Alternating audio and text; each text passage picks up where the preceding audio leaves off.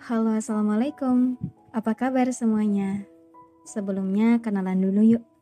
Perkenalkan, nama aku Merisa dari Universitas Swadaya Gunung Jati Cirebon. Merisa di sini mau berbagi cerita nih dalam lomba podcast Kalpiko 2021 yang diadakan oleh Himpunan Mahasiswa Fisika Universitas Lambung Mangkurat yang berada di wilayah Kalimantan Selatan. Pas searching nih tentang Kalimantan Selatan, Ternyata ada salah satu kuliner khasnya yang terbuat dari tepung terigu, telur, gula pasir, garam, dan santan. Bercita rasa manis, legit dengan teksturnya yang lembut menjadikan kue bingka sebagai rekomendasi oleh-oleh wajib ketika kita berkunjung ke Kalimantan. Ngomongin santan, Cirebon juga punya nih kuliner yang bersantan. Namanya empal gentong. Terbuat dari campuran irisan daging sapi, babat, dan usus dengan berbagai macam rempah dan bumbu kemudian dimasak di dalam gentong unik banget ya ada yang mau nyobain pal gentong yuk sini main ke Cirebon yang aku sebutin tadi itu menjadi salah satu contoh kecil nih dalam keberagaman kuliner yang ada di Indonesia. Ini baru dari dua wilayah loh, antara Cirebon dan Kalimantan. Itu pun belum disebutin semua ya kan? Gimana kalau kita bahas semua keberagaman yang ada di Indonesia? Secara Indonesia memiliki 34 provinsi loh, dengan 416 kabupaten dan 98 kota. Data ini didapat dari laman kompas.com ya teman-teman.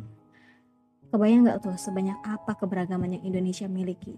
Mulai dari kulinernya, adat istiadat, seni, bahasa, sampai agama. Indonesia sendiri tercatat memiliki enam agama resmi, yaitu Islam, Kristen, Katolik, Hindu, Buddha, dan Konghucu. Dengan banyaknya keberagaman ini, beberapa kali justru muncul konflik nih antar masyarakat, khususnya yang melibatkan agama. Emang sih, kalau pembahasan tentang agama itu selalu menjadi isu sensitif. Tapi jika terus kita hindari pembicaraan ini, bagaimana caranya kita bisa hidup berbangsa dan bernegara dengan toleransi? Dalam sebuah studi yang dilakukan oleh Buyung Syukron dari IAIN Metro berjudul Agama dalam Pusaran Konflik dalam kurung Studi Analisis Resolusi terhadap munculnya kekerasan sosial berbasis agama di Indonesia yang dilakukan pada tahun 2017 silam menyimpulkan bahwa format kekerasan sosial yang berlatar belakang agama disebabkan oleh sentimen dan fanatisme keagamaan yang berlebihan. Sedangkan menurut Firdaus M. Yunus dari Universitas Islam Negeri UIN Araniri Banda Aceh dalam jurnal ilmiahnya yang terbit di tahun 2014 berjudul Konflik Agama di Indonesia, Problem dan Solusi Pemecahannya menyimpulkan bahwa lahirnya konflik ini disebabkan oleh stereotip satu kelompok terhadap kelompok lain yang berbeda agama dan tendensi-tendensi umat beragama dalam menyebarkan pesan agamanya tanpa memperdulikan kebesaran agama lain. Dari kesimpulan-kesimpulan di atas nih, menurutku dapat ditemukan dua sumber masalah, yaitu adanya stereotip-stereotip yang membuat sebuah umat agama tertentu terlihat buruk dan adanya beberapa oknum nih yang melampaui batas dengan menyinggung ajaran agama lain dan dengan cara yang tidak sopan menyatakan jika agamanya yang paling benar. Padahal aku yakin banget nih, ketika seseorang benar-benar memahami agamanya, maka mereka akan tahu bahwasanya ada batasan tertentu yang harus dihormati. Dan ya, itulah yang dinamakan dengan toleransi. Perlu diketahui bahwasanya pengertian toleransi ini berasal dari kata Latin loh, yaitu tolerer, yang artinya bertahan, sabar, atau membiarkan sesuatu terjadi. Menurut Kamus Besar Bahasa Indonesia atau KBBI menyebutkan bahwa toleransi berarti sifat atau sikap toleran. Toleransi juga memiliki beberapa prinsip loh, seperti yang disebutkan dalam buku Pluralisme Konflik dan Perdamaian yang terbit pada tahun 2002 karya Elga Sarapung menyebutkan bahwa prinsip toleransi meliputi satu, hidup menghormati dan jujur. dua, memahami dan mengakui diri sendiri. tiga, tidak ada paksaan. empat, tidak mementingkan diri sendiri maupun kelompok. lima, berpikir positif dan percaya. Dari prinsip-prinsip yang aku sebutin di atas, aku jadi langsung ingat situasi di kelasku deh. Jadi kelasku itu terdiri dari 24 mahasiswa dengan dua di antaranya bukanlah umat muslim. Dan kami semua bersahabat tanpa ada masalah atau kecanggungan.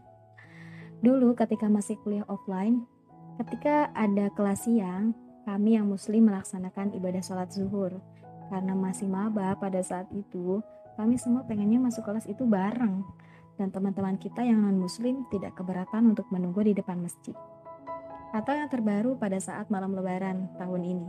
Tahu sendiri kan kalau Lebaran Idul Fitri 1442 Hijriah berbarengan dengan hari kenaikan Isa Al-Masih. Dalam hukum Islam yang kami ketahui dan pahami bahwa kami tidak boleh mengucapkan selamat pada hari raya atau hari besar agama lain. Padahal teman-teman kita yang non-muslim itu terlebih dahulu mengucapkan selamat Idul Fitri di grup chatting kelas. Lantas, apakah mereka marah ketika kita tidak mengucapkan selamat atas hari besar mereka? Jawabannya tidak. Karena apa? Karena mereka paham bahwa hukum agama kita melarangnya. Kemudian aku pernah lihat deh di TikTok, ada sebuah video yang memperlihatkan betapa harmonis dan kuatnya toleransi di Bali.